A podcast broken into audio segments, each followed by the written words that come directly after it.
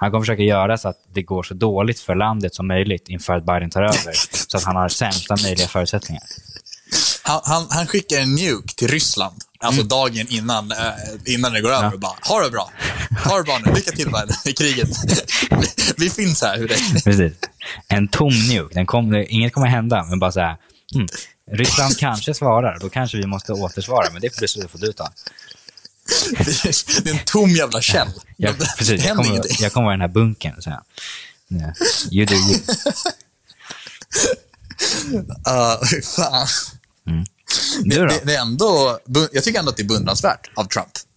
Alltså, att... Eh, vänta, hur fan ska jag försvara det här? Ja, men, jag, försökte, jag försökte se det här från- ett annat perspektiv. Det måste finnas någonting anmärknings eller beundransvärt, positivt med det Trump gör.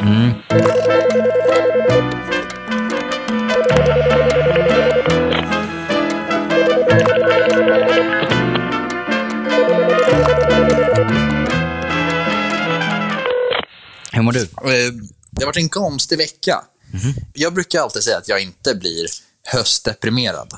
Eller att vädret inte påverkar mig. Men jag tror fan att i år, i år så, det är inte så jävla kul att det regnar hela tiden och att det är blåst och att man måste ha på sig långkalsonger i oktober. Jag, jag vet inte, jag, jag, jag vill så här fokusera på jobb mest och eh, ja, försökt att eh, se bortom det. Sen så har inte vi snackat så mycket. Vi, vi har typ inte, vi har hängt en gång på typ två månader. Mm, det känns som att det har gått väldigt eh, snabbt. Det känns nästan som att man har varit någon slags eh, bubbla där det bara har speedat iväg. Ja, och vi, vi, har ju, vi har ju redan gjort det här förut. Alltså konsten att få tiden att gå långsammare. Ja. Den har vi, det, känns, det här är väl ett typexempel på att vi båda har gjort precis inte det. Ja, jo. Vi har bara gått in i mer jobb och tagit på mer saker och bara typ cementerat vardagen ännu hårdare. Och så har det bara flugit förbi. Eller så, jag har ju inte gjort nå- någonting nytt den här månaden. Nej, det känns som att man har varit väldigt i, liksom en, eh, i en process. Typ. Ja, eh, kanske en nödvändig process, men det är väl synd att det ska bli så. Jag, jag tänker, borde vi typ försöka införa någonting som för oss ur vår comfort zone, i alla fall en gång i månaden? Helst en gång i veckan, men jag menar, en gång i månaden borde så här, någon aktivitet som vi typ inte har gjort, eller som vi blir obekväma av. Jag tänker mig så här, vi två kan, eh, vi, vi två kan gå och klubba, typ. Ja. Kanske inte klubba. Och då, då?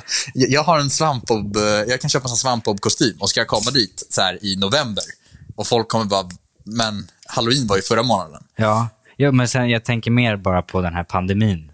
Jag vet inte om du har hört om den. Nej, vad är det? Det, det är, någon, det, det, hör, det är någonting. Ja. folk, jag har sett att folk har har lite masker på sig sådär. Jag trodde bara att det var en halloween-hoax. Fan. Men vi kan göra annat socialt distanserande aktiviteter. Ja, Men det är bara sociala grejer som är läskiga ju. Mhm. Ja, Men vad tänkte du då? Alltså, ska man, ska man lägga ett pussel? Ha, det är Det, det är obekvämt. Ja, jo, sjukt. Det känns ju hur som att vi borde, eh, i och med att båda verkar liksom så hamna i någon slags eh, rutin, Mm.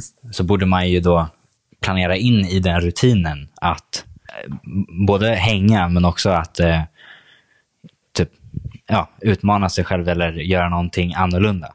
Alltså att man, man rutinerar, alltså man sätter på rutin att bryta rutinen. Jag har väl ett ganska bra förslag då. Ja. Som jag, jag, jag, du har väl sett så här, eh, YouTube-duos och sånt som har prank wars med varandra. Och det, det är otroligt obekvämt att kolla på det, för man vet ju att båda är med på det. Och att de här pranksen oftast är, de är dels ganska ont och ibland så förstör de också typ så här property permanent. Och det, ibland är skadorna remaining. Det hade varit otroligt obehagligt om vi startade en prank war med varandra. Som liksom skapade kvarliggande sår i resten av vår vänskap. Du tänker att det ska vara någon slags emotionella pranks? Alltså som eh, sätter eh, emotionella R? Ja, dels emotionella, men också, jag tänker mig att de kan vara alltså, materiella också. Alltså jag, jag tar dina, eh, dina airpods eller någonting och bara kastar dem ut för höjden du bor på. Och bara hittar dem, max. Prank.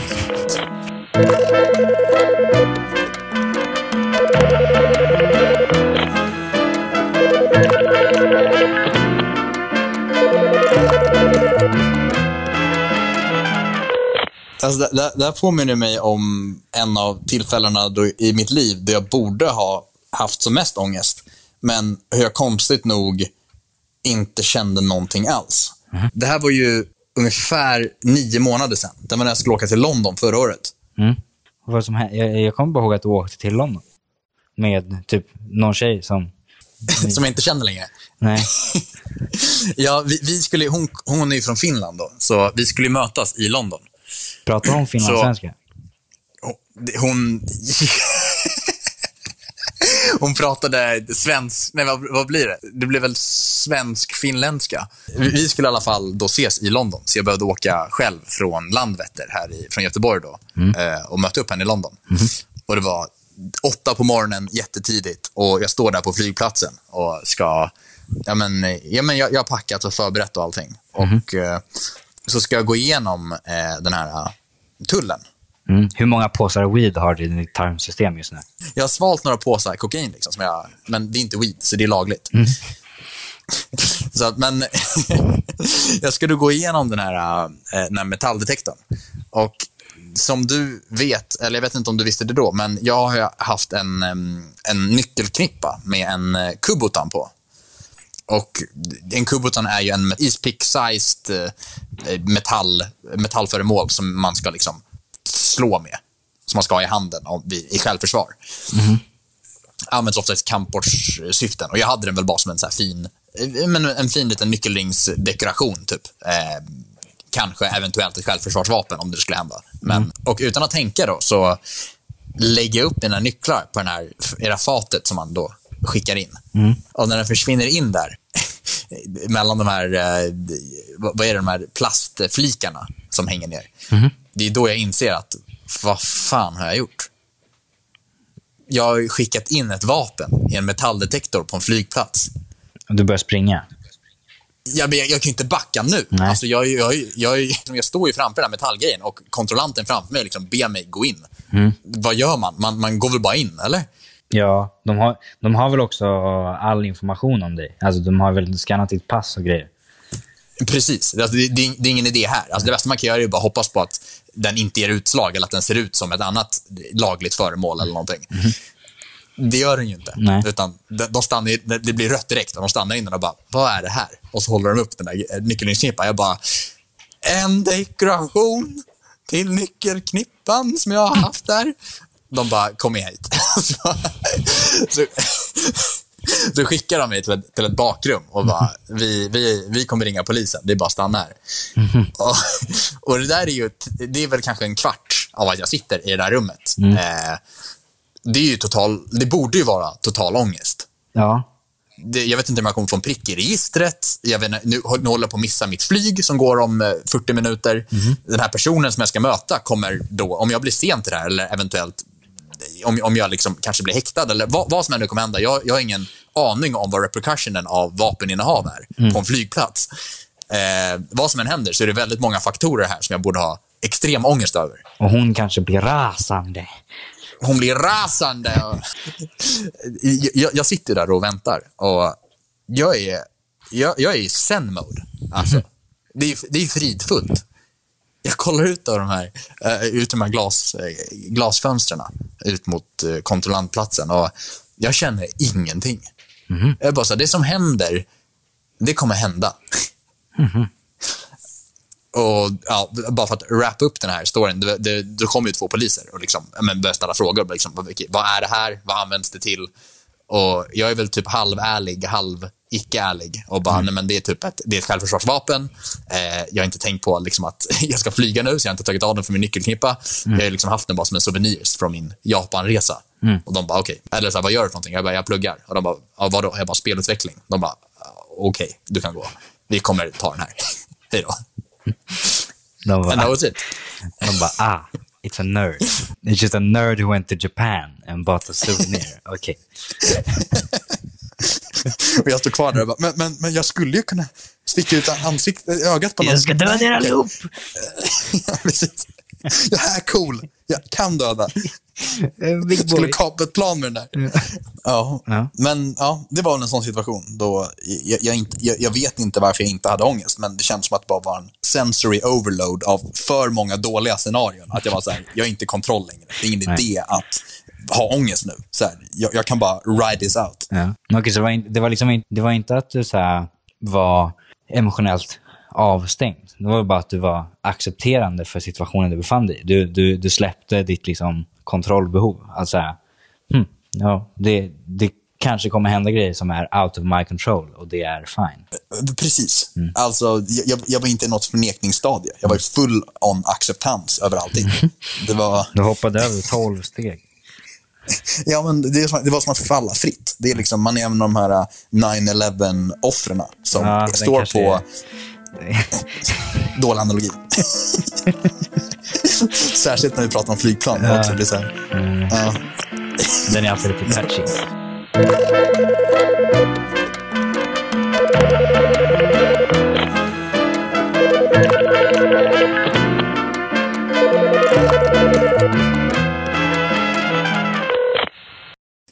Vill du höra Ja. om en, eh, en mardröm jag hade?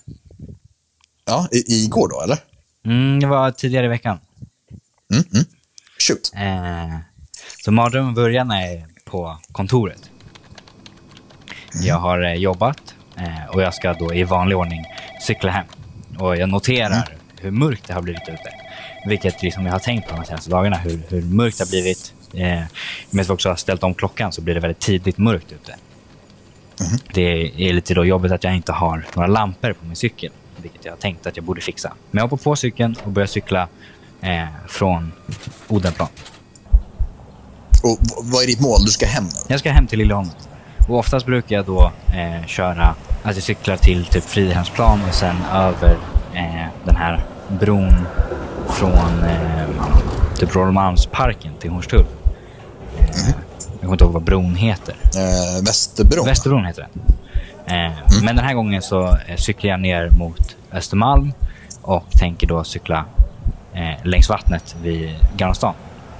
Så jag börjar cykla, tar mig ner till Östermalm, kommer liksom ner till Gamla stan, cyklar längs vattnet. Det är väldigt så här, det, det är fint. Man ser hur så här, eh, ljusen speglas i vattnet. Det är väldigt alltså, nattsvart ute, men man ser liksom hur, hur det skimrar i det här blanka vattnet.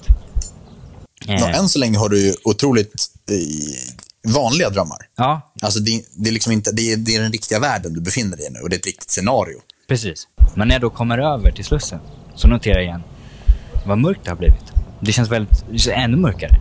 Och jag ser när jag kommer över och börjar åka på Hornsgatan hur det bara står bilar parkerade på hela vägen. Folk har gått ut ur bilarna och tittar sig omkring. Tittar uppåt. Jag ser hur liksom människor kommer ut ur byggnaderna längs gatorna och börjar titta sig omkring. Och liksom För att bevittna det här. Är det, det är någonting i himlen, eller varför kollar de uppåt? Jag vet inte. Några tittar uppåt, några tittar liksom på varandra. Alla är väldigt eh, förundrade och liksom nästan så här. Känns som att alla är så tomma och bara typ står och inte gör någonting. Och jag märker också att det är helt släckt överallt. Det är inget ljus någonstans längre och det är därför det känns extra mörkt. Det är liksom ingen, ingen el fungerar. Så jag, jag stannar och tar upp min telefon och försöker men, gå in på nyheterna och kolla vad händer. Och de har höjt, de har höjt priserna med så här 40 procent. Och det är helt mardrömslikt hur, hur, mycket du kommer, hur mycket det här kommer ändra din budget varje månad. Nej, nej. Men jag kommer inte in. Internet funkar inte. Det, det bara laddar och laddar. Det är flera personer som står med sina telefoner och ingen kommer in. Eh, Okej, så nå- så något centralnätverk verkar ha varit av. Liksom. Ja. Och det är här jag i drömmen inser att här, ja, men det är nu det händer. Det är ju det är apokalypsen. Det är tredje världskriget. Det är the nuke. Det är liksom alla de här uh, hemskheterna liksom sköljs över mig. Så Det, det är nu det händer. Jag befinner mig liksom i det här. Det, du vet, det är så bilar parkerade på hela gatorna. Eh, inga, ingen el funkar. Människor bara står utanför. Och det är som att jag liksom på min liksom cykeltur från det här liksom ändå ganska fina Stockholm som jag var i. Vid Östermalmstorg och längs Gamla stan där. När jag kom över här den här bron så bara landade jag i en värld där liksom, en katastrof var på väg att ske. Det var som att alla bara väntade på. Alla visste liksom, att du skulle dö. Du hoppar till dödsdomedagers-conclusionen efter att det du beskriver nu hittills bara egentligen är ett el... Alltså något elnätverk har slagits av. Ja, och det är här jag inser att jag inte drömmer. Det här hände? Ja. Va? ja, vad gör Var du? elen avstängd i veckan? Eh, förra veckan. Va? Mm. När då? Hela Söder. Vad fan, det här märkte inte jag överhuvudtaget. Nej. Aha. Men eh, så, så att jag, jag, jag är ju då på cykeln eh, och känner så här, det här, det här är en dröm. För det var så märkligt. Det stod liksom bilar parkerade, som jag sa, liksom, i hela gatan. Inga trafikljus fungerade ju. Det- Alltså, du, du, du trodde dead ass att någonting major höll på att hända? Ja, men jag, jag, jag kände liksom så här, du vet, jag hade ju skithög musik på så jag kunde inte höra någonting. Jag, så jag pausade det och var så här, bara, men det känns som att alla har fått någon information som inte jag har fått. För folk betedde sig så extremt märkligt. Och jag fick liksom så här, i några minuter verkligen så här, så här, de här 20 personerna som är omkring mig nu, det är de jag kommer dö med. Och du ringde inte mig i det här skedet? Vad fan? Vad Nej. i helvete? Men sen så, Du, du, du har ingen signal? Det. sen så liksom, jag, jag fortsätter cykla på, på gatan. För jag, liksom, jag vill inte, jag känner att jag vill liksom inte stanna. Jag vill f- fortsätta röra mig. Och det är en ganska läskigt att cykla Hornsgatan. Jag vet, det är ganska mycket korsningar på Hornsgatan. Eh, och, och att vara på cykel på Hornsgatan är ganska... Alltså, det är många nära döden-upplevelser i vanliga fall med trafikljus. Ja. Och nu finns det inga trafikljus eller gatulukter eller någonting. Och jag har inga ljus på min cykel heller. Så jag är bara en, nattsvart skepnad som åker liksom, och bara dodgar bilar som svänger hejvilt. Eh, för att det finns ingen struktur någonstans. Och eh, ja, men efter ett tag så liksom så här, folk börjar bete sig mer och mer vanligt och eh, jag stannar och kan då få igång internet på telefonen igen. Och ser då att det är ett stort strömavbrott på Södermalm. Eh, Förlåt att jag inte tar det här så seriöst, men alltså det känns bara som en jävla millennial-grej. Att, in, alltså, att strömmen slås av i tio minuter och du får existentiell ångest. Ja, men det har- det Världen har ju- går under. Det har ju ingenting med, alltså att jag, jag var ju på cykel, jag, hade ju ingen, jag behövde ju inte elen. Det var ju bara att här, allt slutade funka.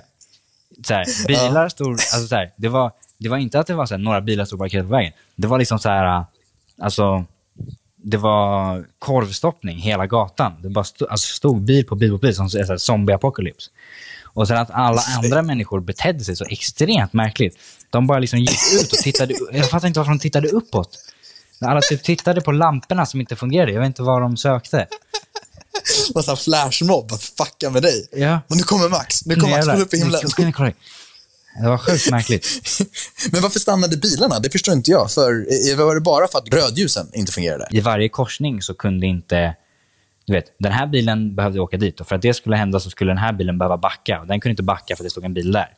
Det fanns ju ingenting det, som riktade de här bilarna. Vem, vem har tur att åka? Men sen så, så cyklade jag över den här andra bron från Hornstull till Liljeholmen. Mm. Och när jag kom över till Liljeholmen, där är alla lampor på.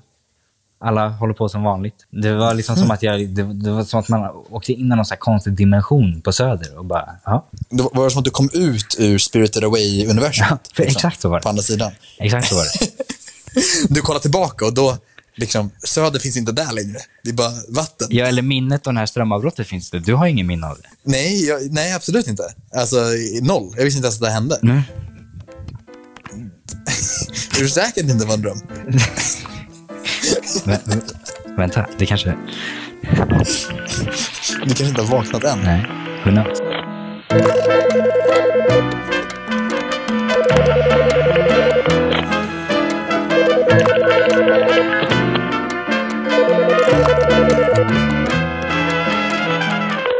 Vet du vem Adora Batbrat är?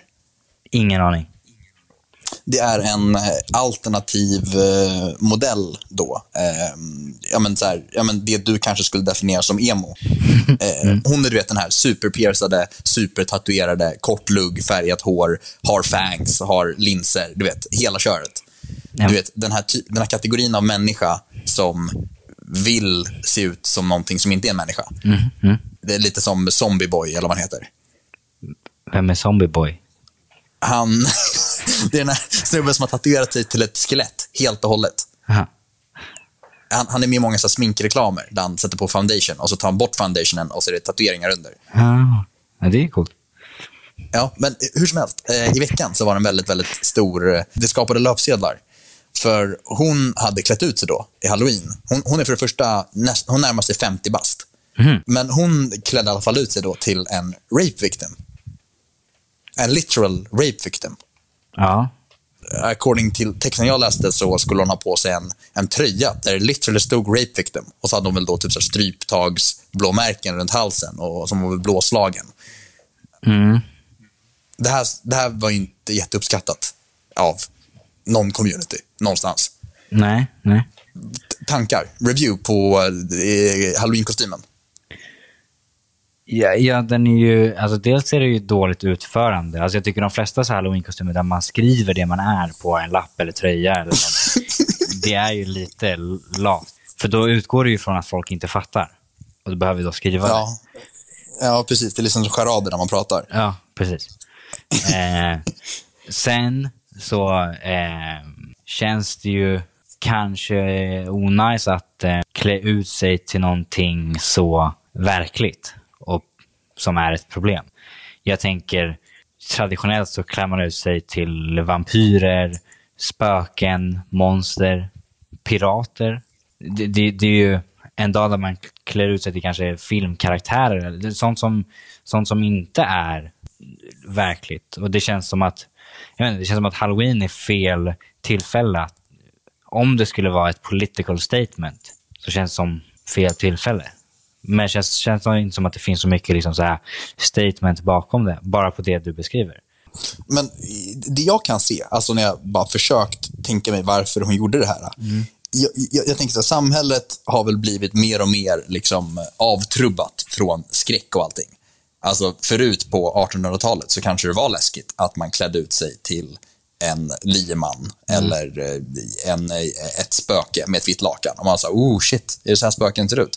Men nu mera så ser man ju det här hela tiden och folk klär ut sig till halloween-saker och lägger ut på Instagram året runt. Och eh, Det finns bra CGI och mä- människor liksom är så himla vana vid det här temat.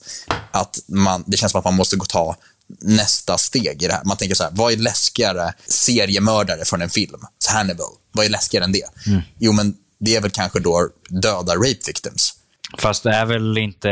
Alltså, där, då har han ju begått ett eh, major felsteg. Och Ja. liksom en chans att göra faktiskt en bra alltså, halloween-grej med ett bra statement.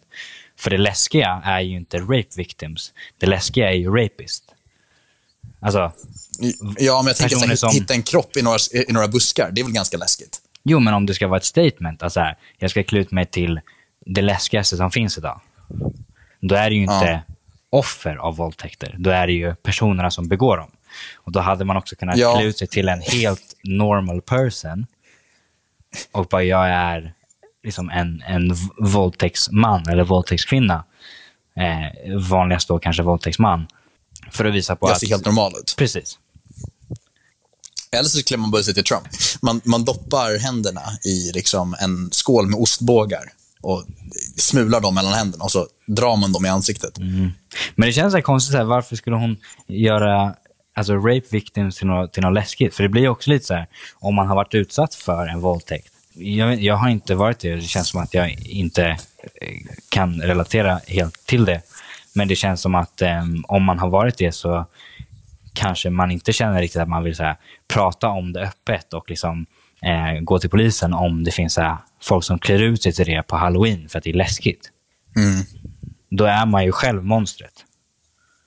Ja, och det, det, det träffar också lite fel, för många halloween-kostymer borde så här, alltså även om de är läskiga, så brukar de ju i slutändan ändå framkalla skratt. Du vet de här mekaniska alien-kostymerna som har en sån svans som rör sig. Ens första instinkt är kanske bara så här, ah, och sen är det, ah, cool, cool kostym, haha, du fick mig. Det här med rape victim, den är bara så här, okej, vad är du för någonting? Jag är en rape victim. Ah, okej.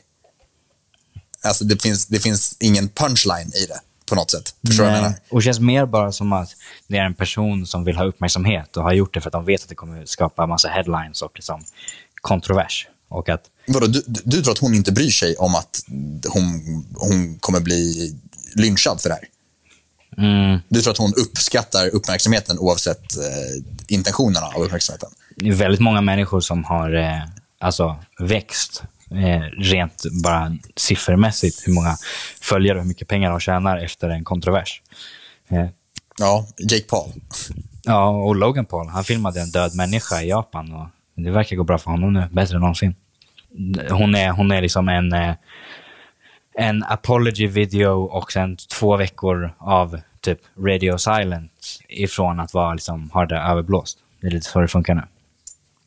Så re- review 1 till 10. Vad tycker du om kostymen? Noll. Den är utanför skalan alltså. Mm. Den är dåligt utförd. Det är eh, liksom obvious attention-grej som också typ så bara slår fel och kanske till och med blir skadlig. Fast du vet ju inte hur utförandet var. Alltså, du har inte sett bilden. Nej. Nej, okej. Du kanske går direkt, purely på att, att hon skrev rape victim på tröjan. Ja, precis. Ja, jo, okej då. Den, den, den, den ger dig.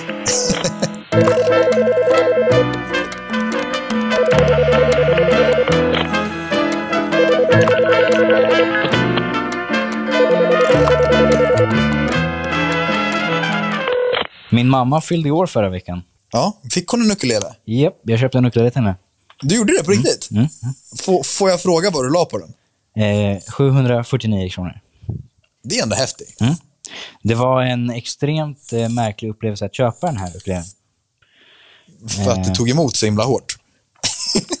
Nej. Nej. Nej, bitterheten hade släppt. ja. Efter jobbet så skulle jag då till... Jag, jag googlade gitarraffär på Google. Och insåg då att på en gata så fanns det tre stycken. Var det den i Fridhemsplan? Mm. Four Sound, Gitarrexperten och någon till. Någon till. Nå, något sånt var det. Ja. Men jag, börjar med den ena, går in. Den är ganska stor och så eh, jag, jag tittar runt lite, hittar några ukuleler och till slut så eh, får jag snacka med eh, Micke. Och eh, vi pratar lite och sen så liksom, han visar de de har och de, de har ganska dyra ukuleler. Typ den billigaste de hade var så här 2000. Jesus, vad fan, vad är det här för premiumaffär? Ja, jag vet inte. Eh, men så jag säger så att det är lite utanför min budget. Har ni några billigare? Och han, nej. Men det finns en gitarraffär här nere på gatan. Och då avbryter jag där och säger, jag vet. Eh, jag tänkte cykla förbi där också. Jag, jag ska, jag ska liksom ditåt och tänkte kolla in på alla de här. Så det, jag, jag åker dit. Han bara, men eh, du sa, eh, jag, jag ringer Leffe. Ja, men Leffe. Leffe är den person som äger den här andra gitarraffären.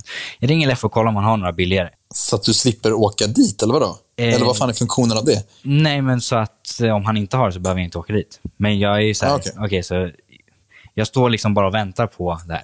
Men då börjar de prata i telefon och de är ju vänner, de här två. Så de börjar snacka, ja, Nej. tjena, ja, det var länge sedan, ja, nej men, ja, hur, hur, går, hur, hur, går det med, hur går det med allt? Och, och då får jag då veta... Ska vi spela in ett poddavsnitt? Då får jag då veta att den här Micke som har varit på den här första affären, eh, han, han, jag tror han får någon fråga om liksom, hur är det med familjen och sånt där. Och berättar då att han har, han har skilt sig från sin fru och liksom, han, har- han har barnen varannan vecka nu. Gud, det, det, det, här är, det här är ett stort samtal. Mm. Det här är inte en så här, två minuters, by the way, jag har en kund här. Mhm. Och Det här är en middag. sen efter kanske, liksom, jag tror att det är f- fem minuter, vilket känns ju som väldigt, väldigt länge. Eh, Men liksom, jag, hinner, jag hinner få lite av de här detaljerna. Eh, så, så tar han ner telefonen lite från örat ner mot axeln och säger, eh, han, han har eh, några billigare ukuleles, du, du kan cykla dit. Jag bara, tack. Så hoppar jag på min cykel. Man läser fortfarande på telefonen när Ja. du kom hit. Jag, jag cyklar då ner för den här gatan, liksom 500 meter. Kommer in, där står då Leffe, fortfarande på telefon. och det här samtalet, det håller på i ytterligare 10 minuter. Ja. Tills det börjar avrunda och jag då får veta att ehm, eh, Leffe precis har haft eh, eh, prostatacancer. Trots att han checkat sig själv en gång i månaden. Då börjar en ångest växa i ditt bröst. Du bara, jag hade ju lite ont i prostatan igår. Men det är också en gång i månaden. Det är ganska ofta att gå till doktorn och kolla prostatan. Jävligt ofta. Man måste ju gilla det där fingret. Ja. Om, Om man går dit så ofta. Men han hade haft eh, prostatacancer och överlevt och eh, han hade haft en operation. Han hade inte haft några smärtor efter operationen i pungen alls. Eh, så han, han var smärtfri i pungen. Eh, Du var otroligt väl ingådd nu på Leffes livssituation och hans hälsa. Mm. Nej, men jag, visste, jag visste att Micke hade blivit skild från sin fru och hade barnen varannan vecka. Och jag visste att Leffe hade eh, precis haft eh, den här operationen. Gav det här dig då eh, chans att få lite rabatt kanske? Av att kanske ta upp det här? Nej, men, men det var också märkligt för det var liksom, den här andra affären var väldigt, väldigt liten. Mm. Och det var liksom, när jag kom in genom dörren så är det kanske en och en halv meter mellan då, där jag står och där han sitter och pratar i telefon. Och vi liksom tittar på varandra under de här tio minuterna medan han pratar. Han skiter i att din kund... Han, han, han tänker inte så här, en sekund, jag, jag ska bara ta hand om en kund här, så ska vi fortsätta. Det är ju, de lever i ett helt annat tempo än vad jag lever i. Jag har aldrig känt liksom mitt, mitt, min livsrytm vara så omatchad. Någonsin. Det låter lite samma som Elgigantsbesöket jag hade för, för förra veckan. Ja, men han visade ukulelen han Ja. Den är lite för billig. 300, låter ganska plastigt, inte jättebra kvalitet. Han sa själv att han hade eh, behövt limma ihop den för den hade gått sönder, den som han hade. Just den modellen han, han gav fram till dig. 350 spänn, den är ihoplimmad. Ja, Någon har trampat Ja. på den och kräkts i, ja, i boxen. Ja, typ så. vill du ha den? Typ så. Men han säger, vet du vad? Det finns en till gitarraffär lite längre ner på gatan. Då är jag snabb som fan och säger, perfekt. Jag ska cykla dit nämligen. Jag är ändå på väg dit. Han är app, app. Ska ringa? Jag kan ringa dit och kolla. Jag kan ringa dit och kolla. Säg bara nej tack. Nej tack. Det är bra. Jag ser affären här tvärs över gatan. För det är Lars som har den affären. Och det är hans gamla gode vän. Så vänta, vänta, vänta. innan du fortsätter. Vi har, eh, en av dem hade skilt sig. En hade prostatacancer. Mhm. Micke. Ja. Leffe. Leffe. Då undrar jag vad hemskt som har hänt med Lars. Alltså det kan inte vara något marriage och ingenting med hälsan. Vad är det sista hemska som kan hända en man? De börjar i alla fall snacka i telefon. Eh, börjar med det här liksom van... Jag vill ju inte gå därifrån nu, för att jag, jag, jag... Han har ju sagt han ska kolla om de har en mittemellan pris ukulele. Jag känner mig nästan som att jag är den här jävla... Eh, vad heter hon? Den här sagan om någon tjej som sover i massa björnars sängar. Som är, någon är för mjuk, någon är för hård, någon är perfekt. Det är väl guldlock, va? Ja, så känner jag mig. Som, den ena var för dyr, den andra var för billig. Nu ska jag ha den perfekta. De börjar prata. Sen så liksom förklarar han situationen. Och efter ett tag då så liksom, de fortsätter snacka om olika personliga grejer. De pratar om någon slags eh, charterresa de varit på där någon hade spytt ner någon kabin. Sen så tar han ner telefonen från örat mot axeln och tittar på mig och säger Lars, han har några ukuleler som är lite mer mellanprissatta. Det är bara att cykla dit. Jag säger tack så mycket. Hoppar på min cykel, cyklar ytterligare 500 meter ner till den här tredje affären. Ja. Och kommer in och de står fortfarande på telefon.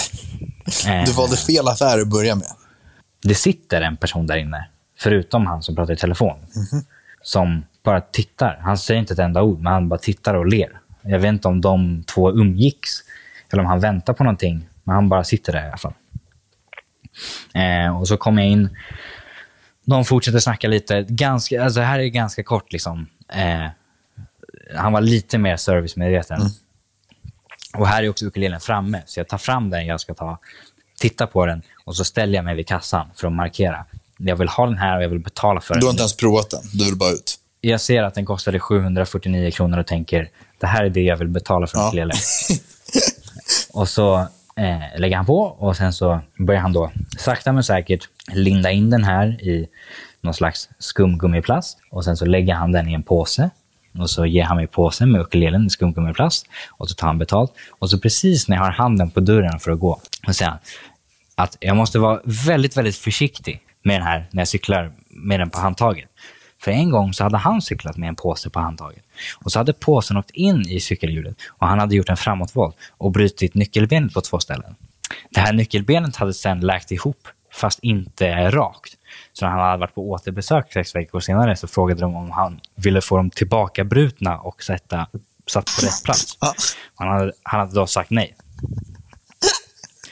och det här, han, han såg direkt, det här är ett ukulele-problem, att det hände. Det här är typiskt ukulele, när man ska transportera dem. Typ, typiskt ukulele-problem.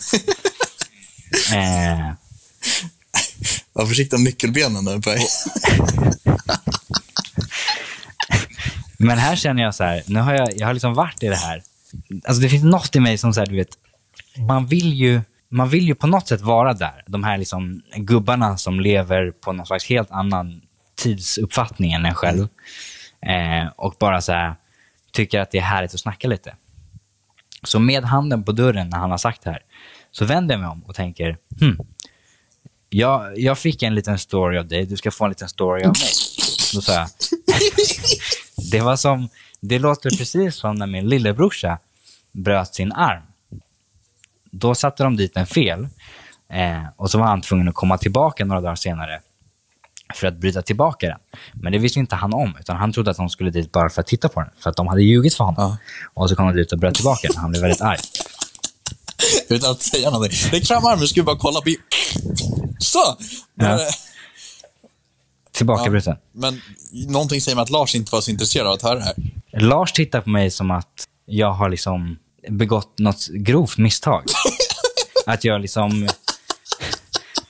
Han är liksom så här... Ja, ja, men, ja ha, ha det bra. Vad gör du kvar här? Du har gett mig dina pengar, kan du gå? Ja. Och jag, jag blev så förvirrad. Det var som att de... De ville bara fucka med mig. De ville bara att det här skulle ta så mycket tid som möjligt. Och sen när jag då till slut var så här, ja men, jag slutar vara stressad och jag bara, ja, men vi kanske kan ha lite gott skratt här. Så bara faller det platt. Det är så jävla out of character också. Det är så här, han berättar om charterresor till en annan. Och när du berättar en anekdot som ändå är högt, så här, väldigt relevant till det han nyss sa, så är det, nej, det här är Ja. inte här. Det, det är bra. Att han också gav dig en anekdot från sig själv. Jag vet, och jag, jag var så nära på att rymma och bara ta mig ut där. Och så säger han den här sista grejen, att jag ska vara försiktig. Och så bara kontrar jag med en snabb liten grej. Och så är det som att det är så här, det, han bara tittar på mig förvirrat. Alltså, det är så här, vad, varför, vad gör du fortfarande här? Varför är du kvar här? Varför säger du de här sakerna? Han har aldrig varit med om det här innan. Nej. Ja. Hade- inte, du hade också en sån, eh, en, en liknande upplevelse som han hade. Det här med, du hade ju, jag kommer ihåg det på dagis, att du hade kört in benet i eken på din mammas cykel när hon cyklade. Ja, Det där var ju otroligt äckligt att höra. Vi skulle till, till dagis. Mamma skulle cykla med dit och eh, på pappas cykel fanns det en, en liksom barnsits. Men på mammas cykel fanns det inte det, utan det var bara en pakethållare. Så hon sa, sätt dig på, pa på pakethållaren. Så hoppa på där och så började vi liksom åka mot, mot dagiset. Och sen så stannar vi vid ett liksom, övergångsställe. Ja. När vi då har stannat, för hon säger åt mig att det är väldigt, väldigt viktigt att jag håller ut mina ben när vi cyklar, så att de inte åker in Ja, i hon hade tänkt på det här. Alltså. Ja. Ja. Och sen då när vi har stannat, så bra, då tar jag ner dem. Någonstans när jag då tog ner dem så hade då väl då eh, min högra fot lirkas in i cykelhjulet. Det är otroligt märkligt att det hände by liksom, chance. Du, du är säker på att du, liten och dum, kanske inte bara ville experimentera på och se vad som skulle hända om du satte in benet när någon åkte? Kanske. Men hon är då stillastående med en cykel. Om, säg, säg att du skulle stå vid ett övergångsställe, stilla med en cykel. Du har ett barn där bak. Du ska börja cykla. Du ställer väl dig upp på pedalerna och trampar ganska hårt för att få den här farten av den här lite nedtyngda cykeln att börja rulla. Ja, jo, men man vill, man vill få en liten boost. De första tre, de första tre liksom varven liksom, gör man stående, sen sätter man sig ner och rullar ja, lite. ja, nej, absolut. Det är ju hon då. När ditt ben är i Så hon ställer sig upp. Hon ställer sig upp och med hela sin fulla kraft börjar paddla på, eller liksom trycka ner på de här pedalerna. Och jag börjar, börjar säga då, aj, aj. Och mamma grumlar för sig själv. Fan vad, helvete vad trögt. Jag ska bara, varför går det inte att cykla? Och hårdare och hårdare trycker på de här pedalerna. Ja, men det här är en lång process. Jag- Det händer inte på en halv sekund. Det, här, är- det, här är ett, Nej, nej. det här är ett multisekundsintervall. Hon försöker aktivt vrida av min fot. Men hur kan du inte skrika Nej. högre i det här skedet? Hur kan du inte Jag tror jag är gallskrika? någon slags, jag tror jag är i någon slags chock. Det är så här, aj, aj, aj. Det är någon chock. Och jag, frå- jag frågade mamma efter, jag var så här, vad trodde du att jag sa aj för? Och hon sa, jag trodde att du hade blivit stucken av en geting eller någonting. Och jag var så här, men då stannar man. Var... Oavsett vad jag säger aj för så borde du stanna.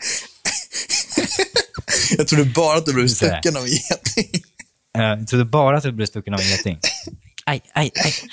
Eh, Ja, ja, alltså, så här, jag vill blamea henne, men jag vill också slut- blamea din reaktion här. Alltså, Ja.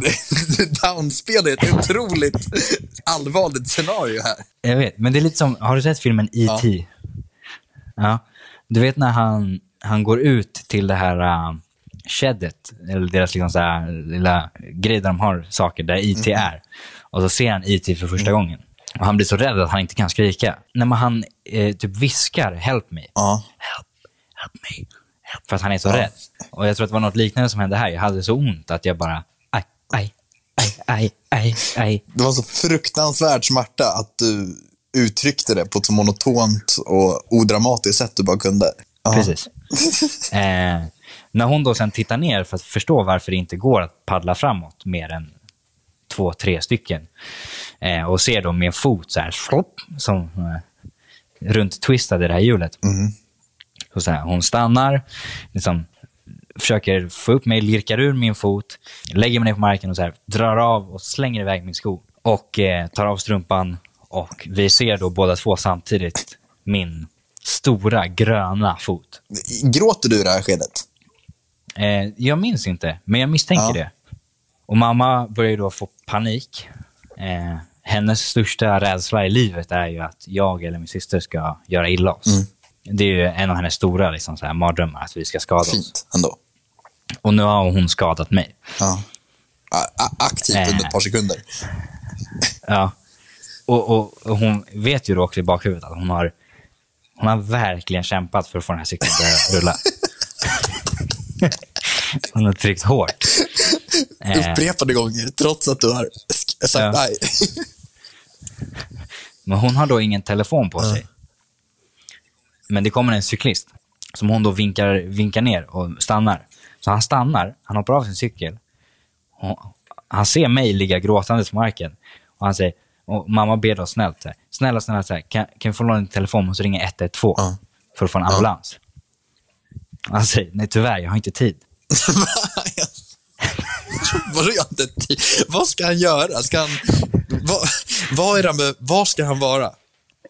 Var jag vet inte, han men han, han var så här, hans första svar var, nej tyvärr, jag har inte tid. eh, Vilken jävla antihero. Jag vet, mamma tappar ju där och blir helt... Hon bara, är du helt jävla dum i huvudet? Hon börjar skrika på honom på engelska. Eh, och liksom kalla honom massa olika namn. Och bara till slut så liksom, hukar han sig och ger över telefonen så mamma kan ringa 112. Ja, damn right he did. What the fuck? Eh, och sen så kommer ambulansen och mammas första eh, fråga är, kommer ni behöva amputera? Ja. Det är liksom Ja. första. Eh, och de säger nej, vi tror inte att vi kommer behöva amputera den, eh, men vi får se om den är bruten eller inte. Ja. Eh, men så jag får då åka ambulans. Första gången i mitt liv. Det är coolt. Om du inte hade varit i den mest fruktansvärda smärtan du kanske har varit i hittills. Precis. Mm. Men så kommer vi till eh, sjukhuset och de kollar på foten och jag tror de röntgar den. Eh, och den eh, var lite svullen och lite grön, blåmärke. Men de konstaterade att den var inte bruten, men den var vrickad. Någon timme senare så går jag därifrån. Du går därifrån.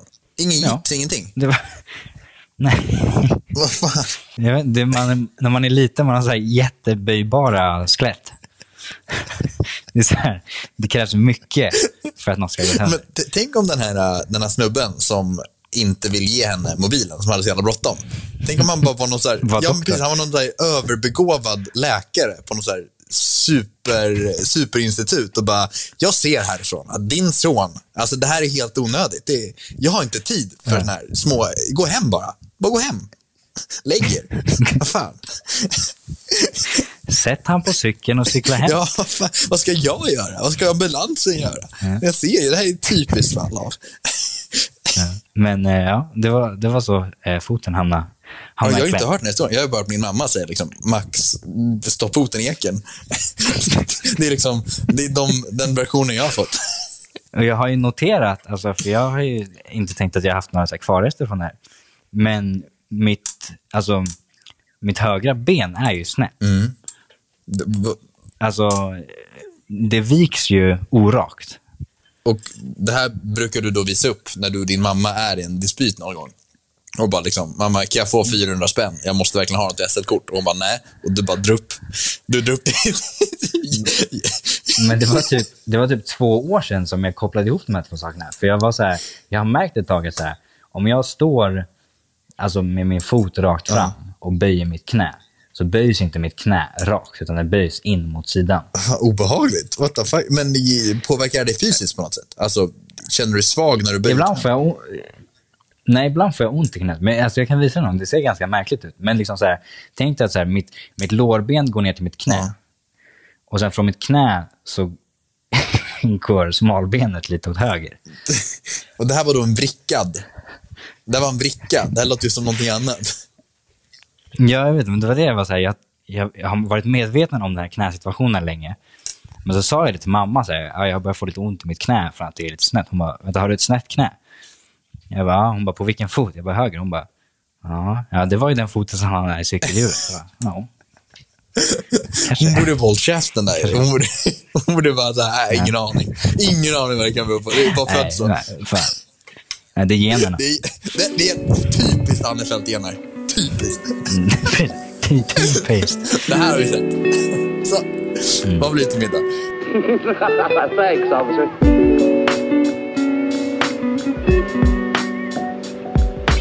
Ladies and